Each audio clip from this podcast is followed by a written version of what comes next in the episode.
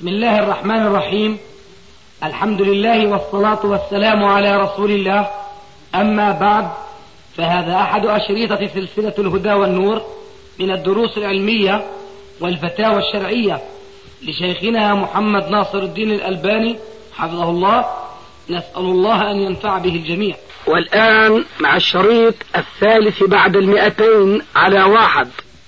الشيخ اليوم درس درس عشان التقارب. هو أبو ليلى لازم يحط معاه يعني شغله يكبر صوت بسيط الله يرحمه. أصلا أبو ليلى تطور يعني بعد دراسة بسيطة يعني سنين. الان أهل كنا نتكلم عن الجمع من أجل البرد.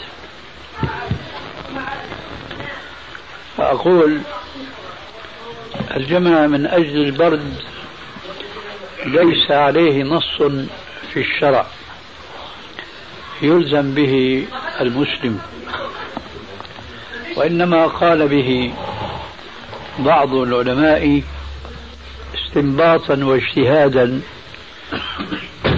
واعتمادا على بعض الأعذار التي جاء النص بها وبأنها تسوغ الجمع بين الصلاتين. معلوم لدى الجميع الجمع في السفر ولكن بحثنا الآن الجمع في الحضر. لم يأتي نص في جواز الجمع في الحضر إلا من أجل المطر أو الخوف. وهذا كما جاء في حديث ابن عباس رضي الله عنه قال جمع رسول الله صلى الله عليه وسلم في المدينة بين الظهر والعصر وبين المغرب والعشاء بغير سفر ولا مطر قالوا ماذا أراد بذلك؟ قال أراد ألا يحرج أمته.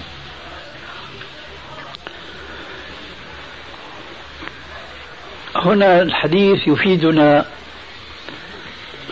جمعين أحدهما يتعلق بالجمع الجماعي أي في المساجد والآخر يتعلق بالأفراد.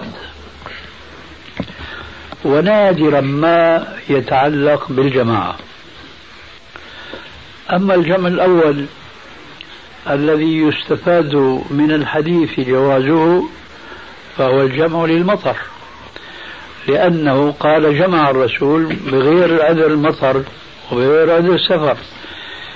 يشعرنا بأن هذين العذرين معروف لدى المسلمين عامة بأنهما يسوغان الجماعة. لكن يريد أن يفيدنا شيئا جديدا فيقول جمع لغير هذين العذرين. سألوه ما هو؟ قال أراد ألا يحرج أمته. هذا النص أراد ألا يحرج أمته. يمكن أن يدخل فيه أسباب أخرى غير منصوص عليها ومنها ما كنا آنفا في صدده وهو البرد. وكما قلت آنفا البرد قضية نسبية. يختلف بين شخصين متساويين في العمر لكنهما ليس متساويين في التربية وفي النشأة.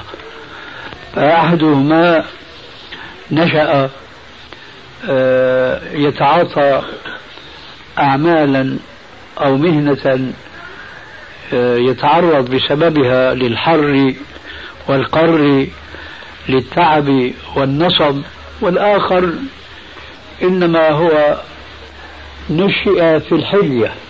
ربي تربية الولد المدلل الناعم فلا يستويان مثلا أبدا. وهما كما قلنا في سن واحد. مع ذلك الشعور بالبرد يختلف من هذا إلى ذاك. فإذا ما ضربنا مثالا متباينا كل التباين بين شاب وبين شيخ عجوز. أيضا سيختلف الشعور بالبرد الكثير أو الخفيف. فهنا تبقى القضية قضية نسبية فيما إذا أراد الإنسان أن يجمع لنفسه. فإذا كان متقيا لربه وكان متفقها في دينه ويعرف أنه يجد حرجا في ألا يجمع فله أن يجمع بهذه الشروط التي ذكرناها. الدقة الآن في الإمام الذي يريد أن يؤم الناس وفي الناس المتفاوتون في الإحساس بالبرد. فهو إذا وهنا بيت القصيد من هذا الكلام هو الذي ينبغي أن يقدر الوضع. ولا أرى حرجا أبدا إذا نظر إلى جماعته الذين يريدون أن يصلوا معه في مسجده فوجد فيهم شيوخا. لا أرى حرجا بالنسبة إليه أن يجمع من أجلهم لا من أجله.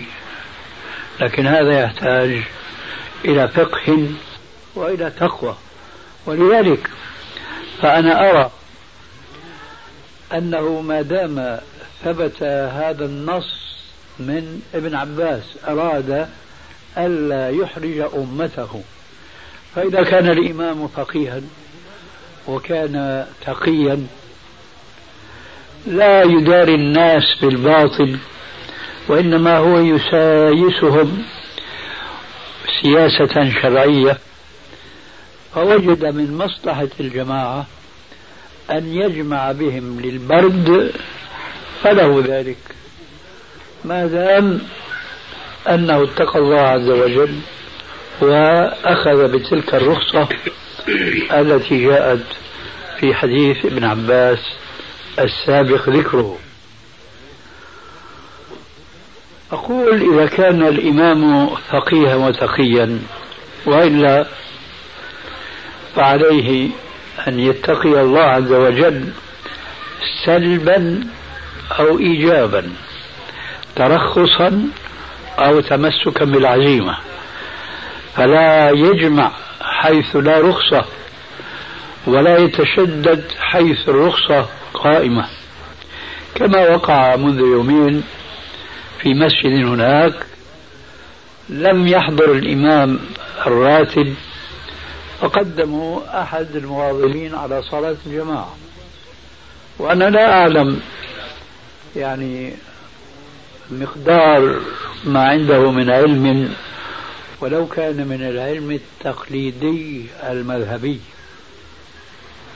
لكن الذي وقع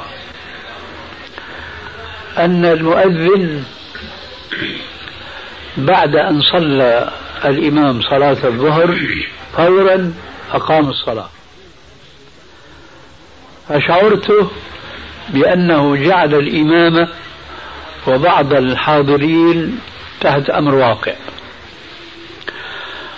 وأشعر بأن هذا الإمام من مراقبتي لصلاته أنه حنفي المذهب. والأحناف لا يجيزون الجمع في الحضر مطلقا بل ولا في السفر إلا في عرفات وفي مزدلفة فلما أقيمت الصلاة سمعنا شوشرة وضوضاء وغوغاء. أنا شخصيا ما فهمت شيئا لكني تأسفت كثيرا من قلة أدب الناس في بيوت الله تبارك وتعالى. صار في المسجد ضوضاء لو وقعت هذه الضوضاء في قهوة لكان عارا على أصحاب الضوضاء فكيف وهم في بيت من بيوت الله تبارك وتعالى؟ ولأمر ما ما فهمت ما الذي حرك هذه الأصوات؟ ما أدري إذا كان تامر أنت فهمت وما شو كان الكلام؟ نعم أحد الشباب وقع حكى أن الرسول عليه الصلاة والسلام جمع بين المطر. آه. فالختيار صار يتكلم إنه أنت تعرفش كيف الرسول عليه السلام كيف كانت لا أنا بقول قبل الصلاة بعد الصلاة أنا سمعت ولسه ما لا ما أنا خرجنا معك نعم. خرجت معك ما بعرفش لا أنا بقول لما أقيمت الصلاة للعصر. نعم. صار شوشرة من الجهة الشرقية نفس الموضوع السابق. في نفس الأمور. نعم. المهم شعرت بأنه الإمام صار تحت أمر واقع وهو في اعتقادي كان لازم يستنكف إذا أراد أن يتقي الله عز وجل حيث لا يعتقد جواز الجمع للمطر. يقول أنا مذهبي لا يسمح لي بالجواز يتقدم أحد منكم. لكن هو خضع للأمر الواقع وصلى. لكن الشوشرة التالية بعد الصلاة أفهمتني هذه الحقيقة التي أنا شعرت بها من قبل. سمعت أحد بيقول له يا شيخ الرسول عليه السلام قال إن الله يحب أن تؤتى رخصه. وما سمعت إيش مالت الحديث لكن فهمت انه هذا المتكلم يقول بانه الجمع في مثل هذه الحالة مشروع. ما شفت غير هذا الإمام ثأر. ثورة كأنه بيقاتل رجل كافر ومن ثورته قام واقف وبيقول له أنت شفت الرسول؟ أنت شفت الرسول؟ الله أكبر واشتغلت الشوشرة بين الناس هات وقام عليهم. أنا كنت بدأت بالأذكار والأوراد حتى أتممتها وانسللت انسلاله. لهريب نصف الشجاعة. سبحان الله الناس دول ما كان عندهم وعي لا عندهم ثقافة ولا عندهم أدب بيتكلموا على جهل. هذا الإمام يقول أنت شفت الرسول. مسكين. ما هو بيصلي شاف الرسول؟ شاف الرسول. الكلام اللي بيوجهه لغيره بيرجع له فلو قيل له يا ترى ماذا يفعل؟ راح يقول هيك العلماء. هيك العلماء علمونا. حيقول بقى بالنسبة لوجهة نظر مذهبه انه علماءنا قالوا ما في جمع للمطر طيب بس في ناس آخرين حيقولوا علماءنا قالوا في جمع للمطر فعلماءك اللي قالوا ما في جمع المطر. شافوا الرسول؟ شافوا الرسول؟ ما شافوا الرسول؟ إذا القضية قضية رواية. ليش عم تنكر هذه الوسيلة التي عليها الفقه الإسلامي كله من بعد الصحابة الأولين؟ كل فقه هذه القرون قائم على الرواية التي معناها أن هؤلاء الرواة ما شافوا الرسول. جهل عميق يعني شديد جدا. يخجل الإنسان أن يحكيه أن يحكيه عن مسلم ويتقدم ليؤم الناس. صحيح نحن ما رأينا الرسول عليه السلام لكن الرسول من تمام رأفته ورحمته بأمته أنه خاطبهم بمناسبات شتى. بالنسبة للصلاة التي تتكرر كل يوم خمس مرات قال صلوا كما رأيتم يصلي. وقال فليبلغ الشاهد الغائب. فهو يعلم أن الذين سيأتون من بعد عليه السلام ما سمعوا صوته ولا شاهدوا عبادته وصلاته لكنه يعلم أيضا بأن أصحابه الذين شاهدوه شاهدوه وراء عباداته سينقلونها إلى من يأتون من بعده ومن بعده. فحضهم على ذلك وقال فليبلغ الشاهد الغائب. حتى قال عليه السلام بلغوا عني ولو آية. بلغوا عني ولو آية. أحدث عن بني إسرائيل ولا حرج. ومن كذب علي متعمدا فليتبوأ مقعده من النار. بلغوا عني ولو آية. هذه اللفظة لا ينبغي أن تفهم بمعنى الآية الاصطلاحي أي آية من آيات القرآن الكريم. ليس هذا هو المقصود. المقصود هنا جملة. بلغوا عني ولو جملة. هذا المعنى عربي أولا وفقهي ثانيا لأنه يشمل الجملة من القرآن ومن حديث الرسول عليه الصلاة والسلام. أليس المقصود بهذا الحديث الحض على تبليغ آية من القرآن الكريم فقط؟ بل ولو جملة من أحاديث الرسول عليه السلام وهذا كتوجيه عملي للرسول عليه السلام إلى الفكرة والعقيدة التي قدمها إلى أمته في أحاديث عديدة التي منها قوله عليه السلام تركت فيكم أمرين لن تضلوا ما إن تمسكتم بهما كتاب الله وسنتي.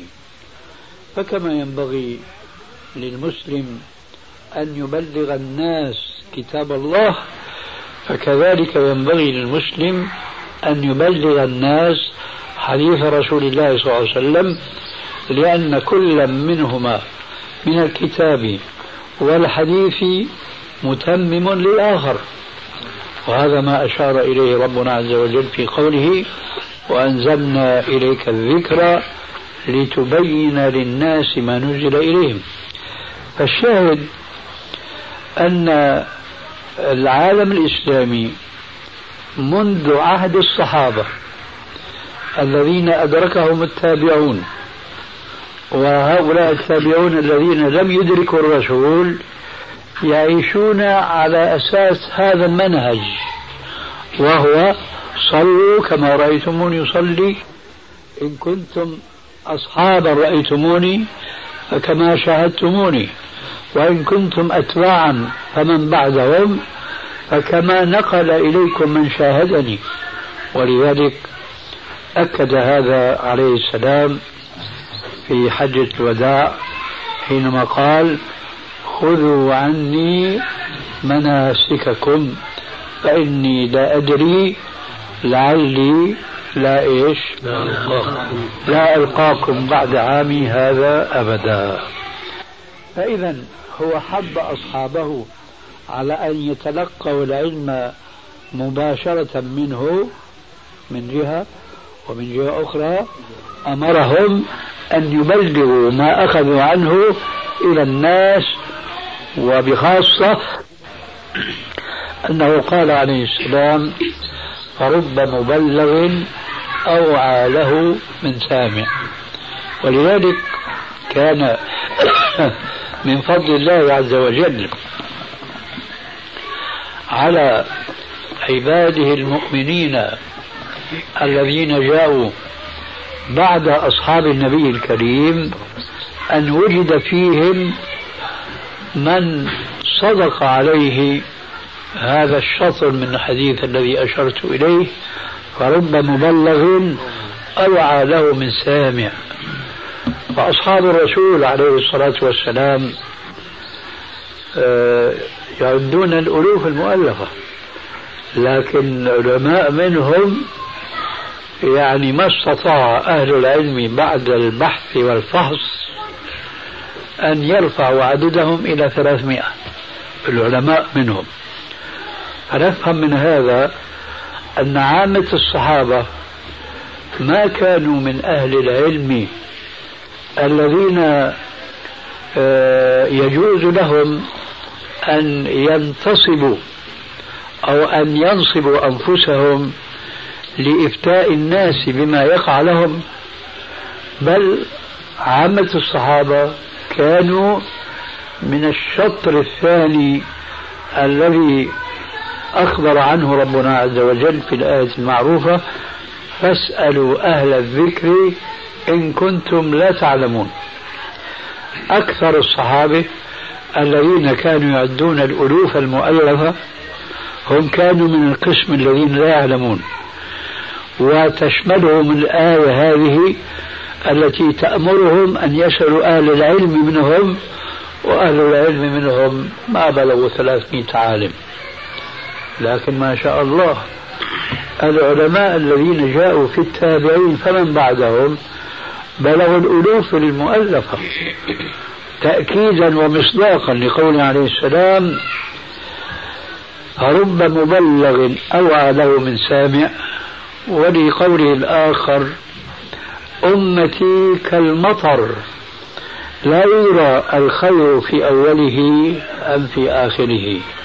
هذا الحديث وياك من البشائر التي خلفها رسول الله صلى الله عليه وسلم في سنته وفي أحاديثه حتى يستمر دولاب العلم دائرا ومنطلقا إلى يوم يرسل الله عز وجل تلك الريح الطيبة فتقبض روح كل مؤمن ولا يبقى على الأرض إلا شرار الخلق وعليهم تقوم الساعة.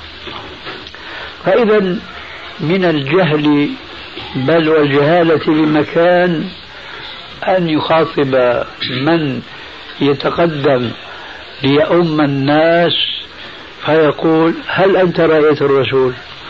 وبالاستفهام الاستنكاري وبحال شديد من الغضب جدا. لأن هذا يدل على جهل عميق. كل من جاء بعد الصحابة كما قلنا آنفا ما رأوا الرسول. إذا هم لا يعرفون كيف يصلون لا يعرفون كيف يتعبدون. كل عبادات يعرفون. والحمد لله بالطريق الذي ألهم الله به طائفة من علماء المسلمين ألا وهم علماء الحديث الذين سخرهم الله تبارك وتعالى لخدمة هذا الإسلام بعنايتهم أولا بجمع أحاديث الرسول عليه الصلاة والسلام على مر القرون الأولى على الأقل القرون الثلاثة المشهود لها بالخيرية. جمعوا أحاديث الرسول من مختلف البلاد والصدور لأن حملة هذه الأحاديث النبوية من الصحابة والتابعين ومن بعدهم لم يكونوا مستقرين في بلدة واحدة حتى يتمكن العالم الحريص على جمع العلم أن يتلقى السنة من ذاك المكان الواحد. وإنما تفرقوا في البلاد شرقا وغربا وشمالا وجنوبا. فكان أحدهم يتفرغ للسياحة في البلاد لتلقي العلم من مختلف العلماء في كل تلك البلاد. هذا تسخير من الله تبارك وتعالى لهؤلاء العلماء حتى جمعوا لنا أحاديث الرسول عليه السلام التي تفرقت في البلاد بتفرق حملتها. فأنتم تتصورون معي بسهولة أن الرسول عليه الصلاة والسلام قضى في مكة عشر سنوات وبقية الدعوة 13 سنة في المدينة المنورة. فالذين كانوا يأتون إلى الرسول في مكة وفي المدينة هم أصحاب الرسول عليه السلام وهم حملة الأحاديث التي سمعوها. وتفقهون معي جيدا أيضا بأن هؤلاء الصحابة في قيد حياته عليه السلام فضلا عما بعد وفاته تفرقوا في البلاد. فقد كان يأتيه المكي إلى المدينة ليبايعه الإسلام. من جدة من نجران من من مختلف البلاد. ثم يعود إلى بلده وقد حمل منه عليه السلام بعض العلم. كما جاء في صحيح البخاري من حديث مالك ابن الحويرث رضي الله عنه أنه جاء مع بعض أصحابه إلى النبي صلى الله عليه وسلم فمكث عنده نحو عشرين يوما فيما أذكر. قال ثم اشتقنا إلى أهالينا فاستأذنا الرسول عليه السلام في أن ننصرف فقال لهما إذا صليتما فليؤذن أحدكما وليؤمكما أكبركما سنا. وقال لمالك صلوا كما رأيتموني أصلي. وانطلق إلى قبيلته. فإذا هذا الرجل من الذي يتمكن من رواية مثل هذا الحديث وذاك هو الذي يذهب إليه؟ فإذا هو ينبغي أن يذهب إلى هذه القبيلة وهذه القبيلة إلى هذه البلدة إلى هذه القرية وهكذا. لذلك كان من فضل الله عز وجل أن سخر علماء الحديث ليرحلوا إلى مختلف البلاد ليجتمعوا بمن يعلمون أنه عنده ولو حديث واحد ليسمعوه مباشرة منه. حتى لقد كان في هؤلاء بعض أصحابه عليه السلام أحدهم اسمه عقبة بن عامر بلغه أن جابرا جابر بن عبد الله الأنصاري المشهور عنده حديث وكان في مصر. سافر من بلده أظن يومئذ كان في المدينة إلى مصر. لماذا؟ ليسمع ذاك الحديث الذي قيل له إنه سمعه جابر من الرسول عليه السلام. فخرج إليه جابر وتلقاه. واحتضن أحدهما الآخر. قال أنا ما جئت لشيء إلا أنه بلغني أنك سمعت حديثا عن الرسول عليه السلام.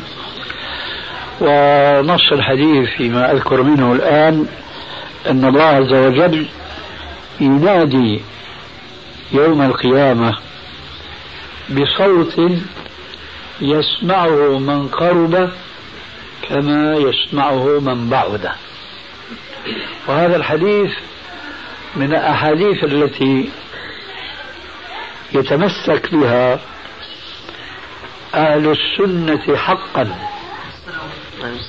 وأعني بهم أهل الحديث الذين لا يتعصبون لمذهب في العقيدة كالماتريدية أو الأشعرية أو المعتزلة أو الجبرية كما أنهم لا يتعصبون لمذهب في الأحكام الشرعية مذهب الحنفي أو المالكي أو الشافعي أو الحنبلي.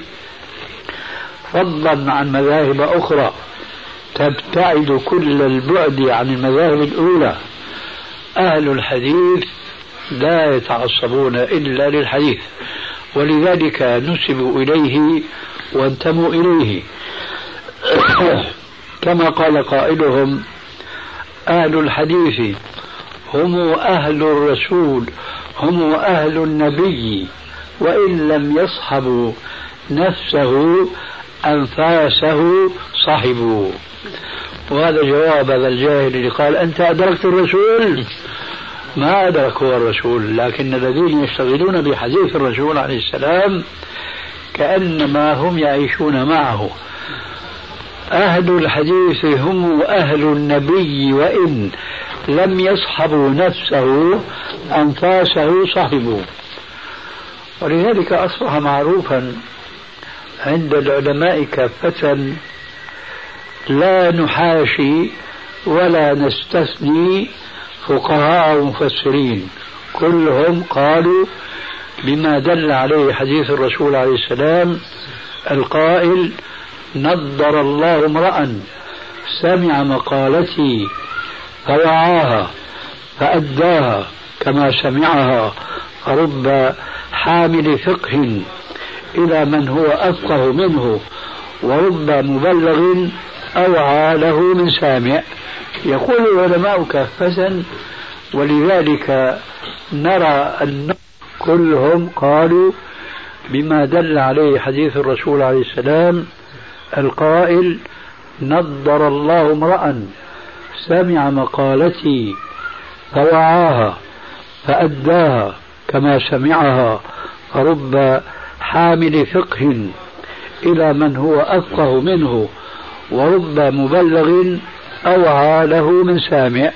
يقول العلماء كافة ولذلك نرى النظرة في أهل الحديث لأنهم يشتغلون بكلام الرسول عليه السلام ليلا نهارا فصدق فيهم قول ذلك الشاعر العالم أهل الحديث هم أهل النبي وإن لم يصحبوا نفسه أنفاسه صحبوا هذا الحديث حديث جابر لعقبة بن عامر يتمسك كما يقول الأشاعرة والماتريدية أن كلام الله ومنه القرآن الكريم هو كلام نفسي. يعنون بأنه ليس بالكلام اللفظي يعنون بأنه ليس بالكلام المسموع. هذا الحديث يبطل دعواهم ويؤكد قول الله عز وجل لموسى فاستمع لما يوحى. إنني أنا الله لا إله إلا أنا فاعبدني وأقم الصلاة لذكري. فاستمع لما يوحى. معناها أنه ربنا عز وجل حينما كلم موسى كما قال في القرآن الكريم وكلم الله موسى تكليما كان موسى يسمع كلام الله عز وجل. أما تأويل الكلام الإلهي بأنه كلام نفسي فهو تعطيل للقرآن الكريم ولأحاديث الرسول عليه السلام. ومن هذا الحديث الذي شد من أجله الرحلة أحد الصحابة إلى راويه الصحابي الذي سمعه من الرسول عليه الصلاة والسلام. إذا لا ينبغي للمسلم أن يتشكك في سنة الرسول عليه السلام فضلا عن أنه لا يجوز له أن يشكك أهل الحديث ولو كانوا من العامة بقوله أنت شفت الرسول أنت رأيت الرسول ما شفنا الرسول ولكننا بلغنا كلام الرسول عليه السلام بواسطة الثقات من العلماء. وفي القرآن الكريم قال تعالى وأوحي إلي هذا القرآن لماذا؟ لأنذركم به ومن بلغ. أنذركم أنتم معشر السامعين تلاوة القرآن مباشرة ومن بلغه القرآن أيضا. فالنذارة قائمة سواء على من سمع القرآن منه عليه السلام مباشرة أو من سمعه ممن سمعه من الرسول عليه السلام. وهكذا دواليك ولذلك قال عليه الصلاة والسلام ما من رجل من هذه الأمة من يهودي أو نصراني يسمع بي يسمع بي ثم لا يؤمن بي إلا دخل النار. مش بيقول لقيني وسمع مني لا سمع بي. أي سمع بدعوتي عليه السلام دعوة الحق دعوة الإسلام. إن الدين عند الله الإسلام. ثم كفر. وجحد هذه الدعوة فهو في النار خالدا فيها أبدا. هات نشوف لو أراد شيخنا الإمام يعني رأى من المناسب أن يجمع بين الصلوات يعني المغرب والعشاء ورأى أحد الأخوة أن الجمع في هذا الجو مش مناسب مثلا بجوز له إنه يصلي مثلا معاه وقت والوقت الثاني ما يجمع معاه يعني إذا كان إذا كان فقيها له ذلك وإذا كان جاهلا فعليه بالجماعة. إذا كان إمام أستاذ لا تتوفر في الشرطين هذول. عرفت كيف؟ لا هو هذا راح يدخل في موضوع ثاني. الإيمان تقدم سواء يعني وفر فيه توفر فيه ما ذكرناه من الشروط أو لا. الآن الجماعة ما بيجوز بالتعبير السوري فرتنتها يعني تفريقها. فهذا الإمام هو يتحمل مسؤولية الجماعة لكن ذاك الآخر الذي يقول كما حكينا عن ذاك الإمام أنه هذا الجمع يعني مو مشروع. فهو إن كان على شيء من العلم والفقه مقتنع فله أن يتجاوب مع فقهه ويصلي الفريضة الأولى وينصرف. لكن إذا كان من عامة الناس فلا يجوز له أن يفارق الناس. يعني أسلوب آخر معلش مثلا لو كنت تعلم درجة علم هذا الإمام اللي قال أنت شفت الرسول كنت جمعت مع أستاذ العصر. إيه كيف؟ نعم.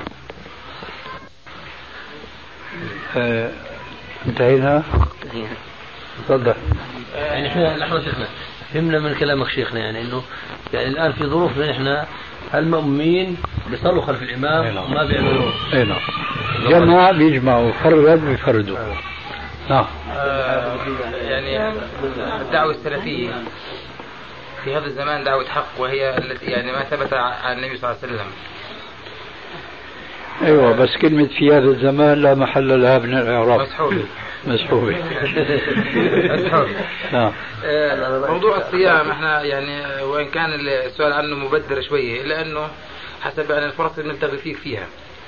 فلا بد من هذا السؤال بالنسبة لي آه، قضية الإفطار اللي يعني آه، قبل الأذان المعهود. فهي قضية يعني إحنا مؤمنين فيها ومصدقينها بانه الإفطار قبل الأذان سني. حسب رؤية ال- الشمس وغيابها. لا تقل الإفطار قبل الأذان سنة. وهو بالنسبة للأذان حسب ال أنا أعرف شو قصدك عم لك لا تقول هكذا. طيب صح لأنه القصد في القلب.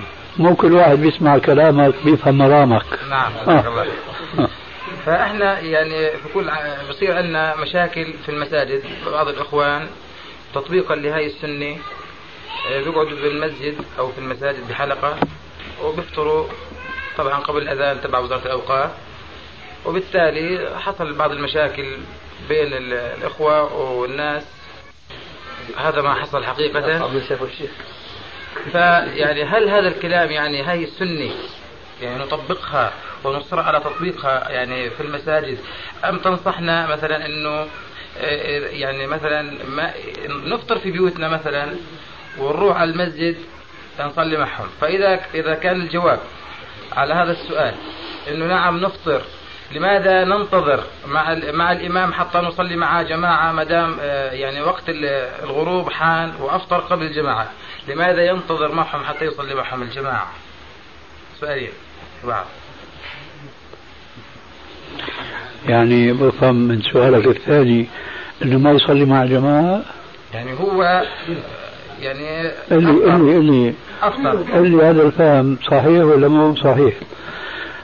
يعني يعني يعني أي سائل لما بيسأل سؤال فيه شيء من الطول ولا أقول فيه شيء من الاضطراب شايف؟ هذا الطول بحاجة إلى اختصار. أولا بالنسبة إلي كمسؤول يوجه إليه السؤال. بدي أعرف حالي فهمت أنا السؤال ولا لا؟ فهمت أنت سؤالك يعني فهمت معنى أنك أنت فهمت السؤال. إيه يعني بس أنا ما تأكدت إني فهمت. أنت متأكد؟ لما بتقول لي نعم هذا اللي فهمته هو أنا قصدته. نعم هذا المقصود. آه هذا الجواب. الله يجزيك مش تيجي تعملي محاضرة ثانية. الله يجزيك. طيب. أنا أخي الذي أقوله أن الحقيقة عندنا نحن معشر المسلمين جميعا وبخاصة السلفيين. نعم. عندنا شيئان الأول الدعوة ولنقل الدين. لكن نقول الدعوة لأنه ليس كل من يتدين بدين الإسلام يدعو إلى الإسلام. في كثير ناس حتى من الخواص لا يبالون بالناس ولا يدعون الناس ولا ينصحونهم ولا ولا إلى آخره. ولذلك أنا بعلل هذه الأخطاء التي نحاول تصحيحها والإعوجاجات التي نحاول تقويمها. ما السبب؟ مع أنه في أشياء منها كثيرة متفق عليها لا خلاف فيها. السبب هو أنه أهل الدين والعلم به ما يبينون الناس ولا يدعونهم. تاركين هكذا شبه لنا أذكر مثلا على سبيل المثال شو معنى انتشار الأكل والأخذ والإعطاء باليد اليسرى بين الناس؟ وهي ما بدها جهد. إذا قلنا الناس قوموا يا ناس صلوا بالليل والناس نيام والله هذا بده جهاد الأبطال. نعم. لكن خذ باليمين وما تاخذ بالشمال أعطي باليمين ما تعطي بالشمال كل باليمين لا تأكل بالشمال. اشرب فرد سهر كان هاي ولا هيك؟ شو سبب انتشار المخالفة للشريعة؟ سببها عدم نصح الناس لها الجهل سكوت أهل العلم. هل بيعرفوا على الأقل تقليدا؟ إذا فرضنا ما بيقرأوا السنة ما بيقرأوا قول الرسول عليه السلام كل باليمين واشرب باليمين ولا تأكل بالشمال ولا تشرب بالشمال فإن الشيطان يشرب بالشمال يأكل بالشمال ويشرب. افرض أنه ما قرأوا حديث لكن كتب الفقه كلها طافحة بأنه لا يجوز الأكل بالشمال والشرب بالشمال. شو معنى أن المسلمين عايشين إلى 14 قرن من الإسلام؟ والعادات هي ماشية كأنها بلاد الكفار. الجهل ومسؤولية على أهل العلم بهذه الحقيقة على الأقل. فالشاهد عندنا الدعوة شيء والأسلوب إلى الدعوة شيء آخر. أنا أريد من كل مسلم أولا ومن إخواننا السلفيين بخاصة ثانيا أن يفرقوا بين الأمرين. لأنه الدعوة هي مقصودة بالذات يعني يجب على كل مسلم أن يعرف مثلا كيف يصلي كيف يصوم كيف يفطر كيف كيف إلى آخره. لكن لا يجب عليه أن يدعو لأن الدعوة فرض كفاية. أما العلم والتدين به فرض عين إذا كانت هذه الحقيقة معروفة لدينا فلا يجب أن نهتم بالشيء الثاني اللي هو الأسلوب في الدعوة. قلنا عندنا دعوة وعندنا أسلوب في الدعوة. أسلوب الدعوة معروف في القرآن الكريم صراحة. ادع إلى سبيل ربك بالحكمة والموعظة الحسنة وجادلهم بالتي أحسن لكن الدعوة قبل الأسلوب.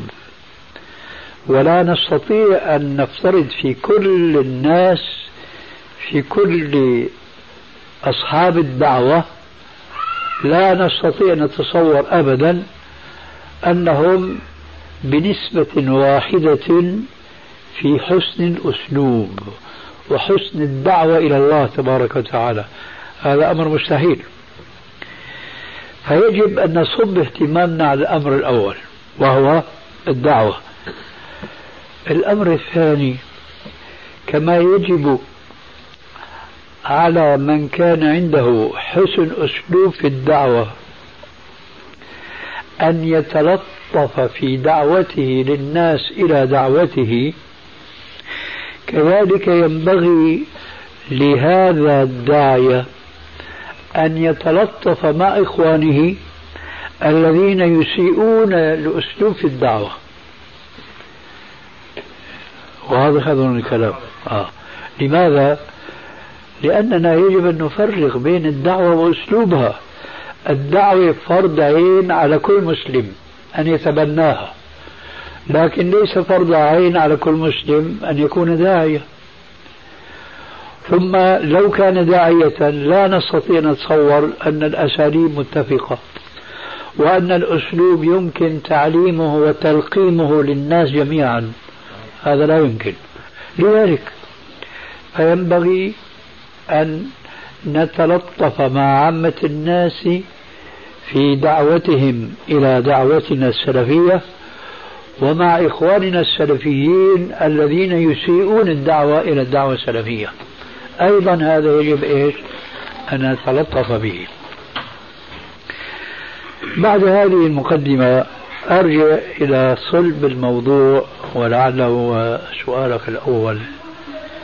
بالنسبة لما ثبت لدينا يقينا أن الأذان في هذا البلد يؤذن إما قبل الوقت أو بعد الوقت.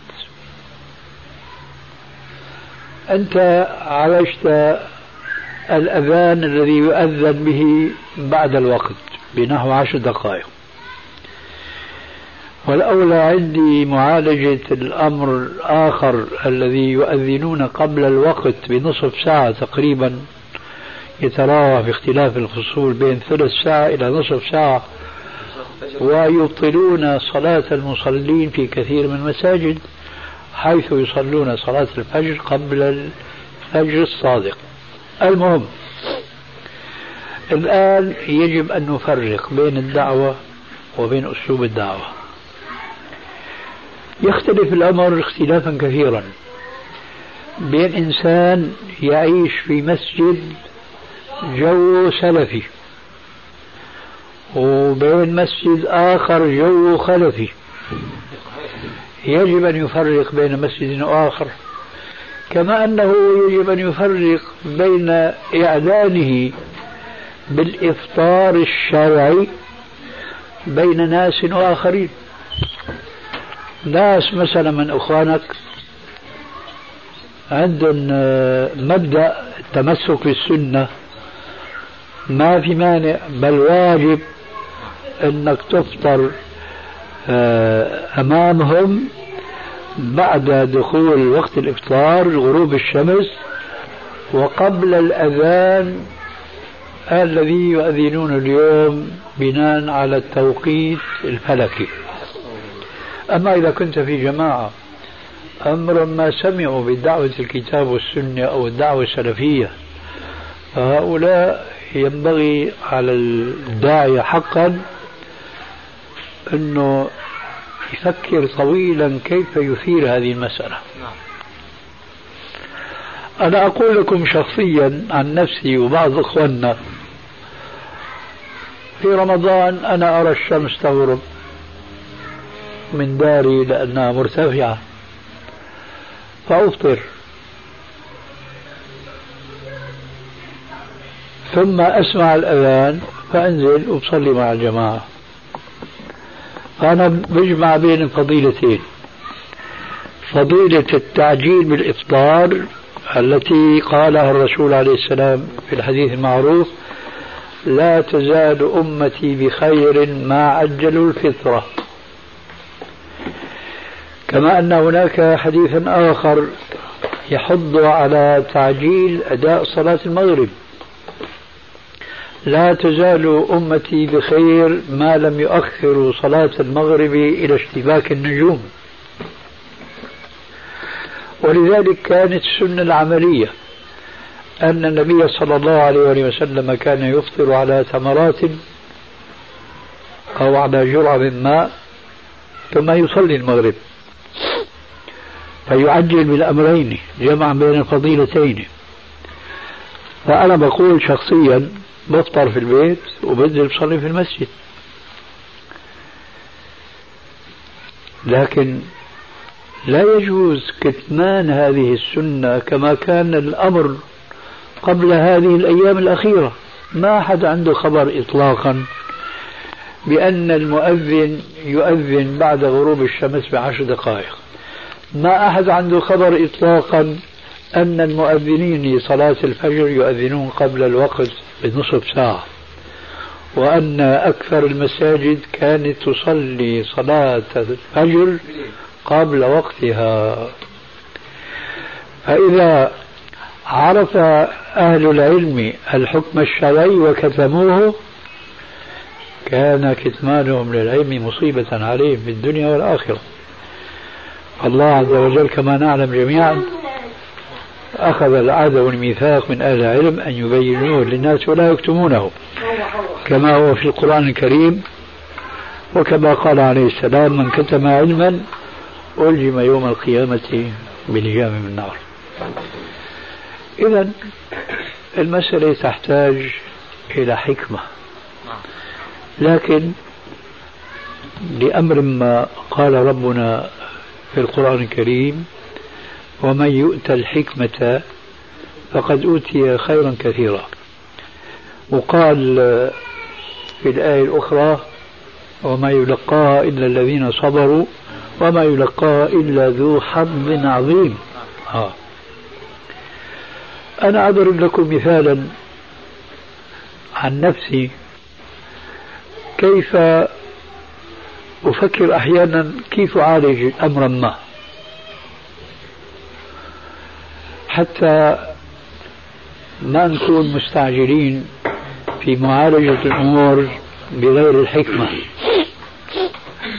أقص هذه القصة كمثال لما نحن في صدده من جهة ولأنه فيها أيضا آه، يعني فائدة من جهة أخرى أو ربما فكاهة.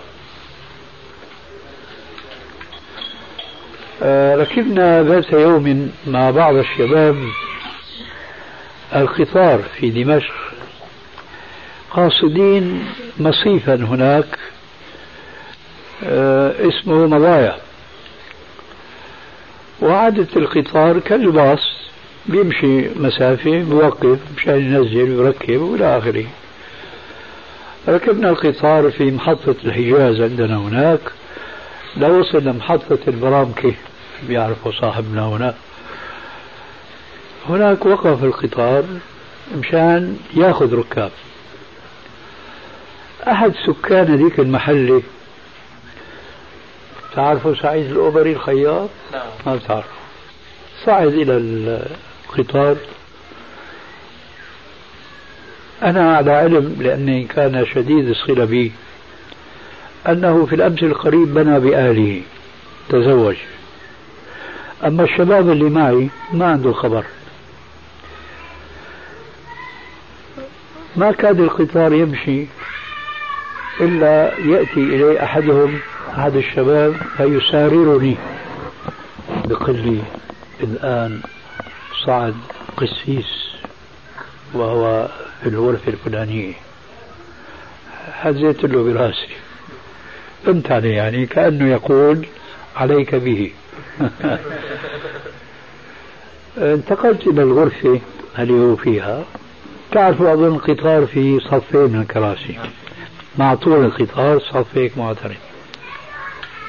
دخلت أنا في ركاب طبعا أكثر مسلمين السلام عليكم. هو جالس بهذيك الزاوية. أنا تعمدت أنه ما أجلس تجاهه حتى ما يشعر أنه أنا جئت مثيرا له وإنما جلست بعيدا هنا. هي أول واحدة يعني. لكن قعدت أفكر شلون بدي أدخل معه في الموضوع؟ هي مسألة بدها مقدمة تكون ناسبة. أي. وربنا عز وجل كما قال في القرآن الكريم وهذه لازم تنطبع في قلوبنا تماما. والذين جاهدوا فينا لنهدينهم سبلنا. وسرعان ما جاءت إيش المناسبة؟ الله بعثها. وهي دخل هذا اللي اسمه سعيد الأوبري اللي كان يتزوج في الأمس القريب. هنا بعد فتح أمامي طريق الدخول مع هذا الإنسان بطريقة غير مباشرة. فقلت له أسمع شبابنا. وبالتالي النصراني هو قسيس ماروني لبناني. لابس طربوش الأسود الطويل إذا كنت شفته. وجبة سوداء. فقلت لصاحبنا هذا سعيد قلت أبارك لك بما كان رسول الله صلى الله عليه وسلم يبارك لأصحابه. فأقول لك بارك الله لك وبارك عليك وجمع بينكما في خير ولا أقول لك كما كانت الجاهلية الأولى تقول وكما تقول جاهلية القرن العشرين على صفحات الجرائد والمجلات بالرفاء والبنين. لا أقول لك بهذه التهنئة لأن الشارع الحكيم نهانا عنها. شو معنى بالرفاء والبنين؟ كم وكم من والدين رزقوا من البنين ما فرحوا بهم أولا ثم كان عاقبة أمرهم. سوءا أما بارك الله لك وبارك عليك وجمع بينكما في خير. فهذا جمع الخير كله. ومشيت ومشيت أذكر جيدا سلسلت في الموضوع تحدثت طبعا عن شيء من عظمة الإسلام وآداب الإسلام التي حرمها الآخرون منها أن الإسلام عالج صحة المسلمين بالدين لأنه لا يوجد عندهم أطباء يعرفون دقائق الأمراض ولكن باسم الدين نبههم على أشياء الآن العلم بعد القرون الطويلة قبل الإسلام وبعد الإسلام اكتشف بعضها الآن. من ذلك أن الشارع الحكيم نهى المسلمين أن يشربوا أو يأكلوا بالإناء المثلوم المشعور. فانتهى المسلمون من استعمال هذا الإناء. هذا نهي شرعي لكن فيه معنى طبي. ما بال المسلمون؟ هيك الشرع انتهى الشرع. لو أرادوا يومئذ يعرفوا شو السر شو الحكمة ما حدا بيعرف. الآن انكشف السر أنه الشعر الدقيق اللي بالعين مجردة صعب أن يرى؟ يزعمون أطباء اليوم أن هناك الملايين من الجراثيم. ها؟ فإذا قال لهم الدين لا تستعملوا هذا الإناء. أذكر هذا أيضا ذكرته. لما شعرت بأن القسيس امتلأ. امتلأ بده يتكلم. وقلت في نفسي ذلك ما أبغي. ولكني صمت فعلا. وإذا به ينطلق في الكلام. يقول ما دام الإسلام هكذا. شوف الفرق. كيف أنا دخلت وكيف هو دخل. لأنه ما عم يستلهم رب العالمين. شوف كيف فرد دج يعني دجها. قفز فرد قفزة شو قال؟ ما دام هيك الإسلام ليش المسلمين كفروا أتاتورك؟ شوف شو جاب لجاب ما في اتصال أبدا بين بحثي وبين سؤاله. ليش كفروا أتاتورك؟ قال لأنه فرض على الشعب التركي لبس القبعة الأوروبية. العبرة بما في القلوب. صار ما هو يأيد عمل هذا. تركته لحتى إيش؟ أفضى بكل ما في نفسه. ما كفروا أتاتورك. لكن هو حكم بنفسه على نفسه بكفره. حينما رفض شريعة ربه القائل للذكر مثل حظ الأنثيين. وبطبيعة الحال أي مسلم يعترض على شريعة الله عز وجل فهو لا يكون مسلما. هذا أولا. ثانيا آه، أعني أولا يعني كفره المسلمون لهذا. ثانيا أتاتورك أنت بتقول أنه هذه القبعة ما لها تأثير هذا زي عام يعني صار أممي حتى التعبير هو. والعبرة بما في القلب من الإيمان. قلنا له لا هذا إسلاميا مرفوض هذا الكلام. تتمة الكلام في الشريط التالي. آنفا بس بشيء مفصل هناك. قلت له من كمال الإسلام أنه وضع مبادئ وقواعد ألزم المسلمين أن يتمسكوا بها في سبيل المحافظة على شخصيتهم المسلمة. فهو الشارع الحكيم. كما عالج أمراض القلوب والنفوس المطوية في الأبدان كذلك عالج الظواهر التي